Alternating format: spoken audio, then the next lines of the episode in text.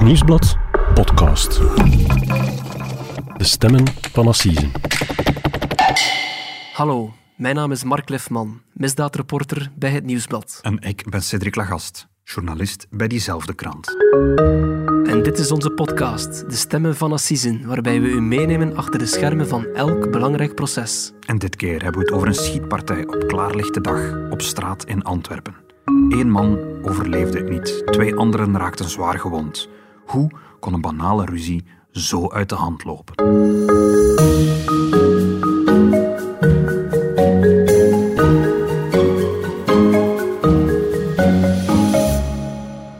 Dag Cedric. Dag Mark.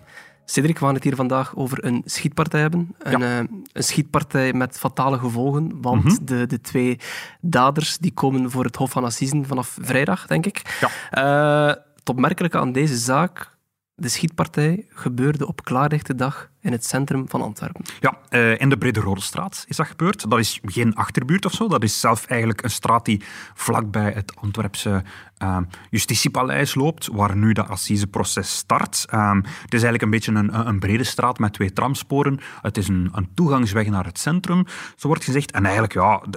er is een hogeschool in de buurt, dus er lopen veel studenten rond. Maar eh, er zijn ook veel winkels. Hè. Kruideniers, bakkers, slagers, een frituur, wat snackbars, eh, cafés ook, kappers. Ehm, en het gebeurde eigenlijk op twee uur 's middags op een zaterdagmiddag. Dus eigenlijk op een moment dat die straat vol met passanten liep. Dus veel mensen hebben dat eigenlijk zien gebeuren, Mhm. maar dat betekent ook, veel mensen hadden op dat moment eigenlijk ook geraakt kunnen worden, konden ook slachtoffer zijn. Ja, absoluut. En, en je zou zelfs eigenlijk kunnen zeggen dat van een van de drie slachtoffers dat het zo gelopen is. Want dat was iemand die eigenlijk ehm, in de straat liep, die eigenlijk niks met die ruzie te maken had, maar daar toch bij betrokken is geraakt en, en is neergeschoten eigenlijk. Op het assiseproces zullen uiteindelijk twee mensen terechtstaan. Ja. Dat is ook wel opmerkelijk. Eén van die twee mannen, een man met een zekere leeftijd. Ja, de man is 63 jaar, ehm, een vader van zes kinderen. Dat is niet echt de leeftijd waarop dat je nog de controle over jezelf verliest, of waarvan dat je zegt dat is iemand die, ehm, die betrokken is bij zware ruzies die op straat worden uitgevochten. Eh, en toch, het is deze man die nu terecht staat omdat hij een, een wapen heeft getrokken en eh, in een volle winkelstraat negen kogels heeft afgevuurd, eh, wild in het rond heeft geschoten. En je vraagt jezelf af, wat zit daarachter?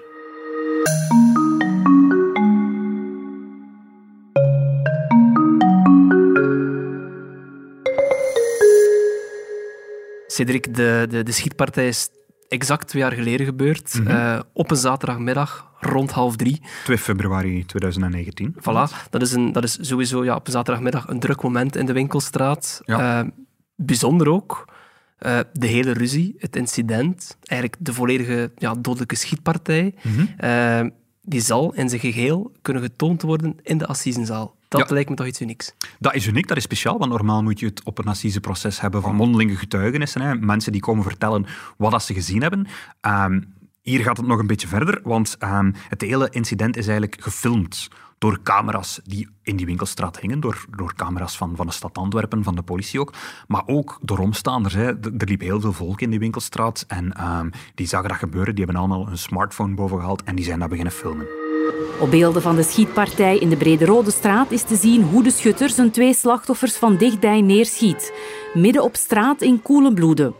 De dader schopt nog na op een van de slachtoffers en wandelt dan rustig weg. We hoorden hier een eh, geluidsfragment van de regionale zender ATV. Mhm. Eh, het gaat om heftige beelden. Kan je eens beschrijven wat er op die, op die beelden van de politie eigenlijk precies te zien is? Ja, wel, ehm, alles gebeurt dus op straat, zoals gezegd. En het, het speelt zich allemaal af voor, voor, voor, de, voor de deuren van twee, twee handelszaken in die straat. Voor de deur van een snackbar en voor de deur van een café. En die liggen ongeveer 10 meter van elkaar, schat ik in. En, en op die beelden is te zien hoe rond eh 2 uur 40, 20 voor 3, er plots eh, een- bestelwagen door de straat rijdt en die stopt voor het café. Er stapt een man uit. Hij kijkt naar, naar binnen in dat café. Dat café is nog dicht, is gesloten, maar hij raapt iets op, een zware steen of zo, en hij gooit dat keihard door het raam van het café. Dat is op zich al niet, eh, niet alledaags. Was Nee. dat dan zonder aanleiding? Of? Schijnbaar zonder aanleiding. Er is niet echt op die beelden iets te zien dat, dat daarvoor aanleiding heeft. En dan wandelt hij verder naar die snackbar. Ehm, hij krijgt ondertussen ehm, het gezelschap van de chauffeur. De chauffeur heeft zijn wagen... Die gaat helpen eigenlijk? Of? De chauffeur heeft zijn auto geparkeerd, stapt ook uit en wandelt met hem mee. En onderweg uh, passeren ze zo een, een, um, een mobiel verkeersbord. Je kan dat wel, dat wordt soms in straat gezet als er iemand moet verhuizen of zo, ja. dat je daar een paar uur niet mag staan. Of als Parkeerbord eigenlijk. Voilà. Dus uh, een van hen neemt dat verkeersbord vast. En ze stappen naar die snackbar en hij begint eigenlijk op het raam van die, van die kebabzaak, in want dat beuken. is het, in te beuken. Ja, acht keer lang.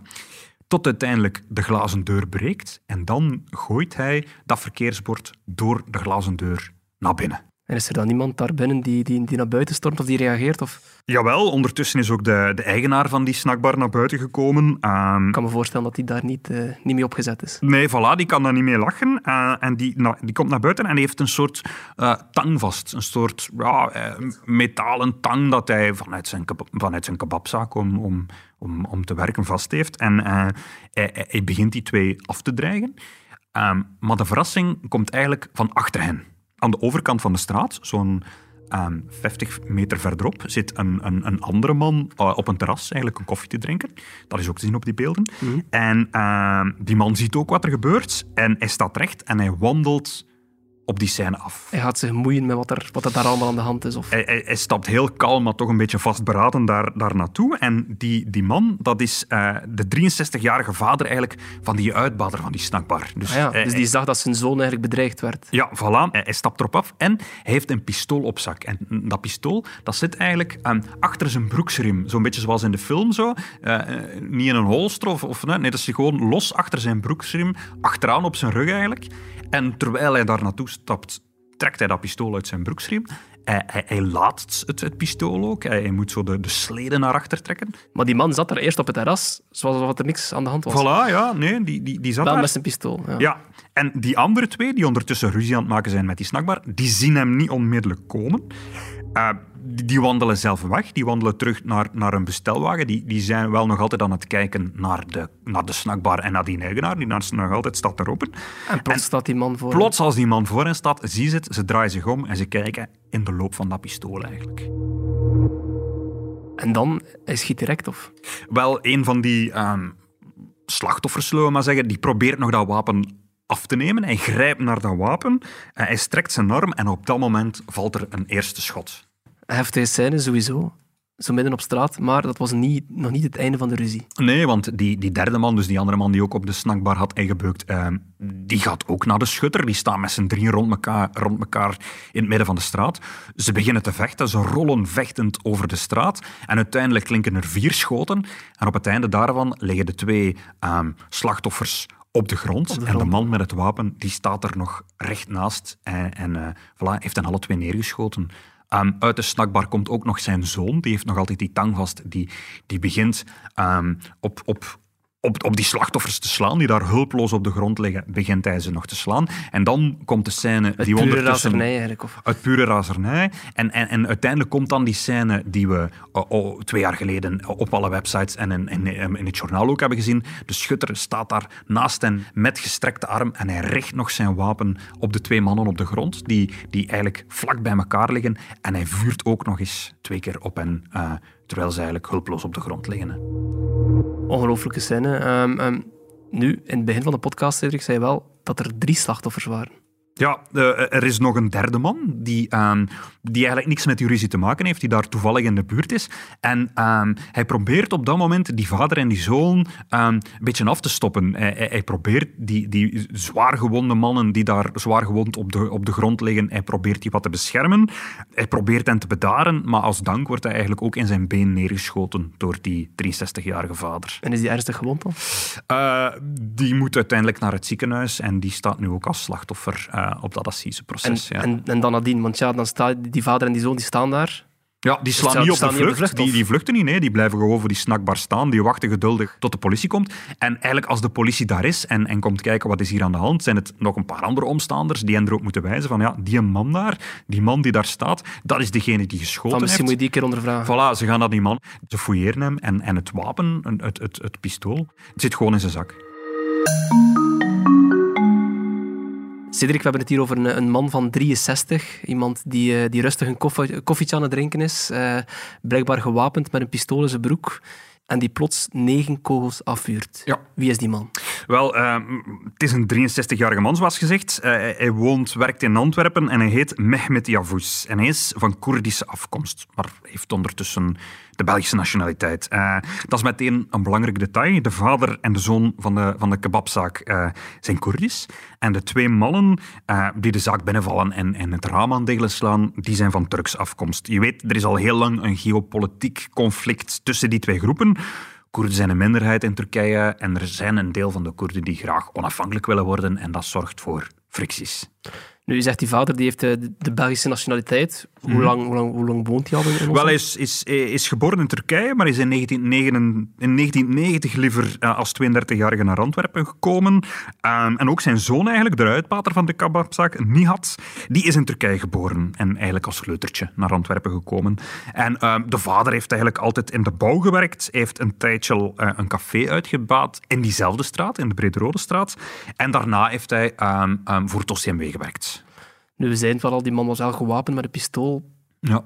Is die dan, ja, was die op een of andere manier gekend of zo bij de politie dan? Of? Ja, toch wel. Hè. Er lagen bij de politie een aantal processen verbaal met zijn naam op. Um, wegens bedreigingen, slagen en verwondingen, ook nachtlawaai. Uh, hij is uiteindelijk drie keer al veroordeeld. Uh, hij kreeg eerst twee jaar met uitstel voor de verkrachting van een minderjarig meisje.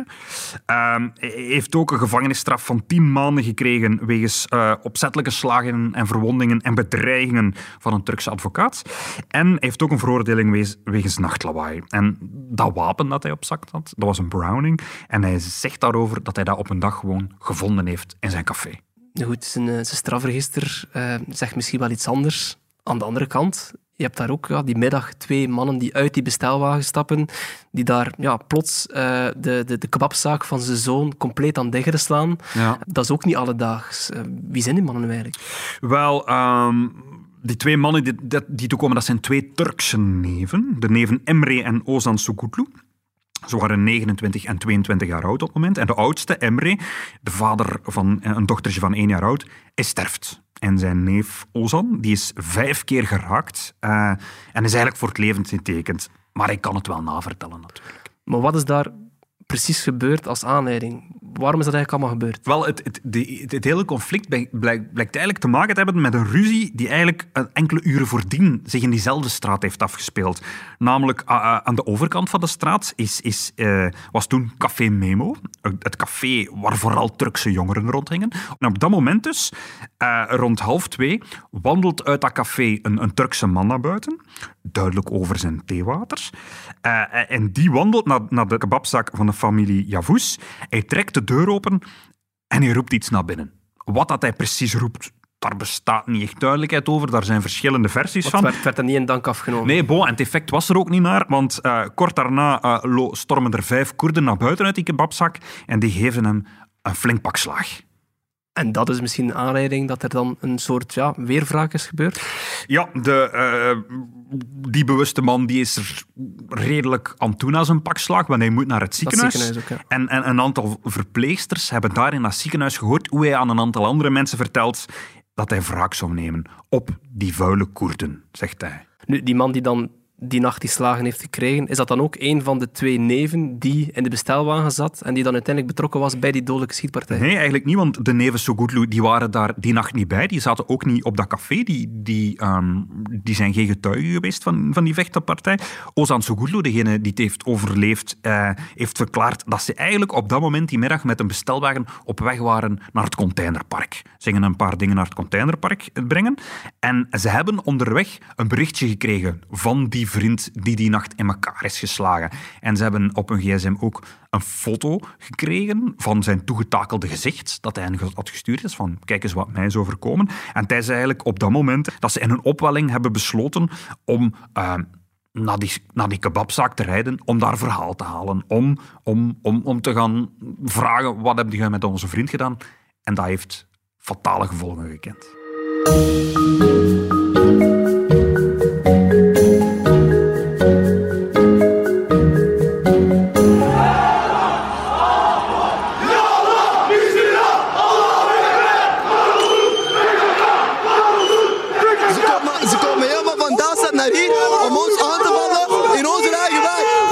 Een uh, achttal gewonden gemeld. Uh, drie van hen zijn naar het ziekenhuis gebracht. We hebben 47 mensen bestuurlijk aangehouden. Die hebben de openbare orde verstoord, zoals dat heet.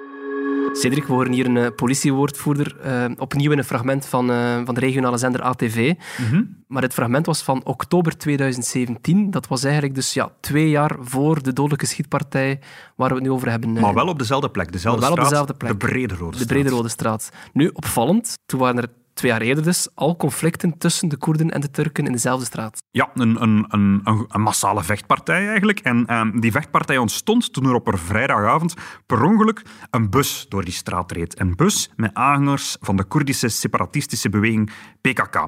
Die bus moest daar eigenlijk helemaal niet zijn, maar er zat een, uh, een Duitse chauffeur aan, aan het stuur. En die was ze weg kwijt? Die was ze weg kwijt. Die kende Antwerpen niet. Die reed per ongeluk de Brede Rode Straat in. Um, nu, op die bus hing een grote foto van de Koerdische leider uh, Abdullah Öcalan. Ja. En dat werkte eigenlijk als een rode lap uh, als een rode lap op een stier eigenlijk op, al, op, op, op een heleboel Turkse jongeren die in, in die straat uh, rondliepen. Nu, je moet weten, uh, de Brede Rode Straat, sinds eind jaren 90 is dat eigenlijk een beetje de Turkse buurt in Antwerpen. Er wonen zo'n 20.000 Turken in Antwerpen en een groot deel daarvan woont in de wijk rond de Brede Rode Straat. Dat is ondertussen al een klein beetje aan het veranderen. Maar bon, er liepen heel veel Turkse jongeren die vrijdagavond in die straat, die zien die bus met Öcalan op. Oké, maar waarom, die... waarom reageren zij zo vijandig, zo extreem op die bus? Wel, um, omdat Öcalan een beetje een omstreden figuur is. Voor, voor de Koerden zelf is dat een, een vrijheidsstrijder die al... Uh, Um, meer dan twintig jaar gevangen zit, trouwens, in, in Turkije. Uh, maar voor de Turken is dat een terrorist. Voor hen is dat eigenlijk, hun fo zijn foto's in, is een beetje hoe wij ons zouden voelen moest er plots iemand met een grote foto van Osama Bin Laden door Antwerpen paraderen. Ja. En dus eigenlijk in een mum van tijd wordt heel die bus door, door, door honderden jongeren omsingeld. Er wordt geslagen, geklopt. Er worden uh, met stoelen en tafels naar die bussen uh, gegooid. Wat gebeurt er? In die bus trekken ze de tafelpoten van die tafels en slaan ze met die tafelpoten terug. Er worden stenen en nylonkousen gestoken en daarmee rondgezwierd. Nu, een massale vechtpartij en worden de politiewoordvoerder al, uh, er worden uiteindelijk acht mensen gewond en, en 47 mensen moeten worden opgepakt. Goed, dat was duidelijk een, een extreme vechtpartij, mm -hmm. maar ja, we spreken hier dus over feiten van twee jaar later. Mm -hmm. dus wat, wat, wat, hebben, wat heeft die vechtpartij dan te maken met de dodelijke schietpartij twee jaar later? Wel, volgens de Koerdische vader en zijn zoon die nu terecht staan op het assiseproces, veel. Het is zeker iets dat zij uh, zullen opwerpen tijdens het proces, want je herinnert je nog, um, als die bestelwagen toekomt, uh, wordt er eerst een steen opgeraapt en door, uh, door de ruit van een café gegooid. Ja. Ook dat café is eigendom uh, van, van dezelfde familie. En twee jaar eerder, bij de rellen, um, um, is ook dat café kort en klein geslagen. In die avond wordt er ergens het gerucht gelanceerd dat die familie ook iets met de PKK te maken heeft. En bo, um, in, in the heat of the moment wordt ook heel hun café kort en klein geslagen. Ja. En eigenlijk zegt die familie, uh, werden ze sindsdien onophoudelijk gepest door Turkse jongeren die hen verweten dat ze PKK-aanhangers zijn. Er is ergens sprake, zeggen ze, van, van tien incidenten. Er, zouden, er zou al tien keer eerder een ruzie geweest zijn met Turkse jongeren. En bon, ze zeggen um, dat dat de zoveelste uh, pesterij was die ze ja. moesten ondergaan. Nu, ik herinner me ook nog twee jaar geleden, hè, na die schietpartij, dat de politie toen, misschien in het licht van wat er, wat er vroeger is gebeurd, mm -hmm. dat ze toen ook ja, serieuze maatregelen hebben genomen. Ja, absoluut. Uh, bijvoorbeeld de, de, slachtoffers die in het ziekenhuis lagen, uh, die kregen politiebewaking, want ze waren bang dat er toch nog groepen van de andere partijen naar het ziekenhuis zouden gaan om, er, ja. om wraak te nemen ja. of, om, of om, om, om het af te maken. De Brede Rode Straat zelf, die, die werd toen onder, uh, onder verhoogde bewaking gezet. En zelfs op de begrafenis van, van het dodelijke slachtoffer was de politie massaal aanwezig, uit vrees eigenlijk dat er terug rellen zouden uitbreken. Nu, dat, dat conflict dat eigenlijk al, al, al jarenlang sluimert, dat, dat, mm -hmm. dat is misschien iets wat, wat de verdediging zal opwerpen. Heeft het onderzoek de voorbije twee jaar, heeft het onderzoek dat ook aangetoond? Of? Ja, het is niet helemaal duidelijk, want er zijn natuurlijk ook veel Turken in de Brede Rode Straat. Uh, die zeggen dat er helemaal geen spanningen zijn in die straten. Zij zeggen van ja, we hebben een probleem met de PKK uh, in, in Turkije. Niet noodzakelijk met alle Koerden, want er zijn ook veel Koerdische bakkerijen, Koerdische restaurants waar wij gewoon over de vloer komen en, en, en, en waar wij geen probleem hebben. Dus zij zeggen het is eigenlijk geen conflict tussen Turken en Koerden. Het is eigenlijk gewoon ja, een, uh, een conflict met die man zelf. Ja. En bijvoorbeeld onze collega's van ATV hebben daar ooit een aantal uh, gesprekken over gevoerd. Over de oorzaak van de schietpartij zelf lopen de meningen uiteen. Maar volgens de meeste aanwezigen zorgde de schutter met zijn zaak al langer voor overlast in de straat. Breeroodstraat is een heel donkere straat geworden. Heel donker. Je ziet ook van die rare cafés open. Gewoon, nooit, er zit geen kat binnen. Er wordt enorm veel drugs gedeeld, enorm veel. Voor die overlast van muziek en van drugs hebben ze nooit iets gedaan. Ze hebben hem altijd beschermd als een, eh, een Koerd die wordt aangevallen in een Turkse wijk. Of het conflict tussen Turkije en de Koerdische PKK het incident mee in de hand heeft gewerkt, op die vraag is hier geen duidelijk antwoord te vinden. Er wordt gezegd, ze zeggen van ja, anderen zeggen nee. Dingen. Uh, ik heb vrienden dat Koerden zijn. Als je dan vraagt zo van de PKK, nee, maar dan hoor je van, van links en rechts hoor je van wel. En... Het incident laat zijn sporen na in de buurt van de Brede Rode Straat. Iedereen loopt nou op je te kolen, hè. dat is normaal. Hè. Dus minste discussie in de pas aan de tafel gewoon zitten en te klappen. Of like vroeger, hè, tegen vast. Maar deze, man, schieten op een mannetje van 20, 28 jaar. Verschrikkelijk.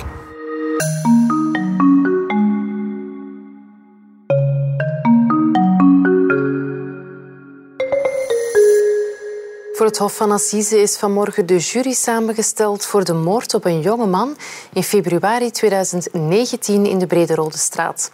Zowel de vader als de zoon worden beschuldigd van moord en moordpoging op twee andere mannen. Een van hen was gewoon een voorbijganger die wilde bemiddelen. Cedric, een, eh, een, vader en een zoon die samen terechtstaan voor het Hof van Assise voor moord. Dat is op zich al uitzonderlijk, denk ik. Mhm. We zeggen voor moord. Hè. Dat is dus ja, doodslag met voorbedachtheid. We weten dat die vader daar ook zat, uh, dat hij daar eigenlijk in die straat aanwezig was met een wapen. Ja, hij, hij, was met, um, met, met, met, met, zijn pistool naar de Brede Rode straat getrokken. Dus, um... Het gerecht vermoedt dan dat hij ja, met een bewuste daad. Hij wordt vervolgd voor moord. Hij wordt niet voor doodslag vervolgd, maar voor moord. Dus het gerecht gaat ervan uit dat hij, ja, dat hij de intentie had om, om, om die mensen om het leven te brengen. Hè. Maar bon, wie, zijn, wie zijn de advocaten? Zijn advocaat is de Antwerpse strafpleiter Johan van Genechten. Mhm. Misschien niet zo'n heel bekende naam, maar hij was bijvoorbeeld onder meer advocaat van een, uh, een, een drugsmokkelaar met de bijnaam Johnny Cash. En uh, in, in, 2019 pleit hij ook nog voor het Hof van Assise uh, voor Tom Verboven. Dat was een man die terecht stond omdat hij zijn amoureuze vriend had doodgestoken. Hij heeft toen eigenlijk een, een, een straf gekregen van 16 jaar cel, wat toch een, een, een redelijk milde straf is voor, voor, voor voor het leven van iemand te nemen. Ehm, zijn zoon Nihat die zal uh, naast hem als een vrij man verschijnen, want uh, de vader zit nog altijd in de gevangenis. Zijn zoon is ondertussen in afwachting van zijn proces vrijgelaten. En zijn advocaat is uh, de strafpleiter Johan John Mees. Um, hem kennen, we, hem kennen we bijvoorbeeld uit een aantal drugsdossiers, maar hij was bijvoorbeeld ook de advocaat van miljonairsdochter Mireille Gram. Daartegenover staat er wel, toch, we kunnen wel zeggen, een rijtje topadvocaten. Een, nou, een rij grote namen. Hè. De, de, familie en de tweelingbroer van de neergeschoten Emre Sogutlu. Die worden vertegenwoordigd door advocaat uh, Chris Luiks. Een naam die we hier wel vaker horen passeren. Uh, en die onlangs nog in de spotlight stond als advocaat van, uh, van voetbalmakelaar Dejan Velkovic. Hè. Mm -hmm. En ook chef Vermassen. Ik, ik vermoed niet dat die iemand... geen introductie, denk die ik. we die moeten uitleggen. Ook hij treedt op voor de, de familie van het, van, het, van het overleden slachtoffer. En zijn neef Ozan Sogutlu, dat is de man die werd neergeschoten, maar het eigenlijk ook wel overleefd heeft, uh, die blijvend invalide is. Zijn uh, advocaat is Johan Plateau. Daar hadden we het onlangs nog over. In de... Ja, in de vorige podcast. Ik, ik vermoed dat de naam van Johan Plateau voor altijd zal verbonden blijven aan de kasteelmoord. Aan de kasteelmoord. En uh, het derde slachtoffer, dat is de voorbijganger die, die, de, die de schutter nog probeerde te bedaren, maar ook werd neergeschoten. hij heeft Ergon Top als advocaat. En Ergon Top die pleitte eerder op assisen voor Samira Bali. En die stond terecht voor de moord op haar ex-vriend in een sishabar. Dat is een uh, serieuze batterij aan bekende strafpleiters, toch wel? Mm -hmm. Ik kan me voorstellen dat zij op het, uh, op het assiseproces er alles aan zullen doen om de jury te overtuigen dat er hier wel degelijk sprake is van, van voorbedachtheid en, en dus ook van moord. Ja, uh, ze worden ook vervolgd wegens moord. Hè. De aanklacht luidt ook moord. Dat die vader met een wapen op zak door de Brede Rode straat liep, dat zal daar niet vreemd aan zijn. Um, anderzijds zou je ook kunnen zeggen, ja, er, er, is een incident aan vooruit gegaan. Het feit dat die kebabzaak eerst kort en klein is geslagen, um, dat hij daarop reageerde. Je zou ook kunnen zeggen, voilà, dat dat misschien heeft meegespeeld, dat dat misschien uh, um, in zijn voordeel zou kunnen pleiten. Maar bon, anderzijds, je hebt ook zijn strafblad. Heeft een, Die is een ook strafblad. niet, niet rooskleurig. Nee, voilà, dat speelt dan weer in zijn nadeel we zullen moeten zien op het proces hoe alles wordt En in, uitgespeeld. in het geval van de zoon, de zoon, eh, we hebben verteld, die is eigenlijk ondertussen al op vrije voeten. Mhm. Kan dat ook een invloed hebben op het proces? Of? Wel, hij staat wel mee terecht voor moord en, en, en, en, en een dubbele poging doodslag. Ehm, natuurlijk, hij heeft geen vuurwapen vastgehad, maar hij heeft wel, ehm, heeft wel met die tang de slachtoffers aangevallen. Hij zou ook ergens kunnen zeggen dat hij zijn vader misschien een beetje heeft aangespoord om nog te schieten. Dus voilà, het is niet omdat hij het vuurwapen niet vast had, dat hij daarom niet voor moord kan veroordeeld worden. Maar bon, ehm, dat is allemaal een beetje speculatie, Mark. Eh, Ja. We zullen moeten zien hoe het, hoe het eh, proces zich ontrolt, hoe Ja. het daar allemaal gepleit wordt. En we zullen dat pas binnen ehm, acht dagen weten. Hè. Wie is de, de voorzitter op dit proces? Dat is, de voorzitter is Valerie Fontaine. Die ehm, kennen we nog van het Limburgse strafproces tegen de familie Aquino, het terugproces, eh, die een aantal jaren geleden daar gepleit is. Het is niet haar eerste assisezaak. Eh, vorig jaar leidde ze het assiseproces van Dimitri Goris, die toen eh, terecht stond voor de moord op zijn liefdesrivaal. En voor de volledigheid, het Openbare Ministerie, zoals vaak op assiseprocessen in Antwerpen, wordt hier vertegenwoordigd door advocaat-generaal Bjorn Pax. Die kennen we recent nog van op het proces eh, rond de moord op Jury van Espen. Absoluut. Cedric, bedankt om eh, ons bij te praten in deze podcast. Eh, Graag gedaan. we volgen het zeker verderop op onze, op onze website en in de krant. Mhm, absoluut. En wij zijn er volgende week op vrijdag alweer terug met een nieuwe aflevering van De Stemmen van Assise. Dit was De Stemmen van Assise, een podcast van het Nieuwsblad. De stemmen waren deze week van Mark Klefman en van mezelf, Cedric Lagast. Onze dank gaat uit naar ATV voor het gebruik van enkele audiofragmenten. De montage gebeurde door Pieter Schrevens van House of Media en de productie was in goede handen bij Bert Heijvaart.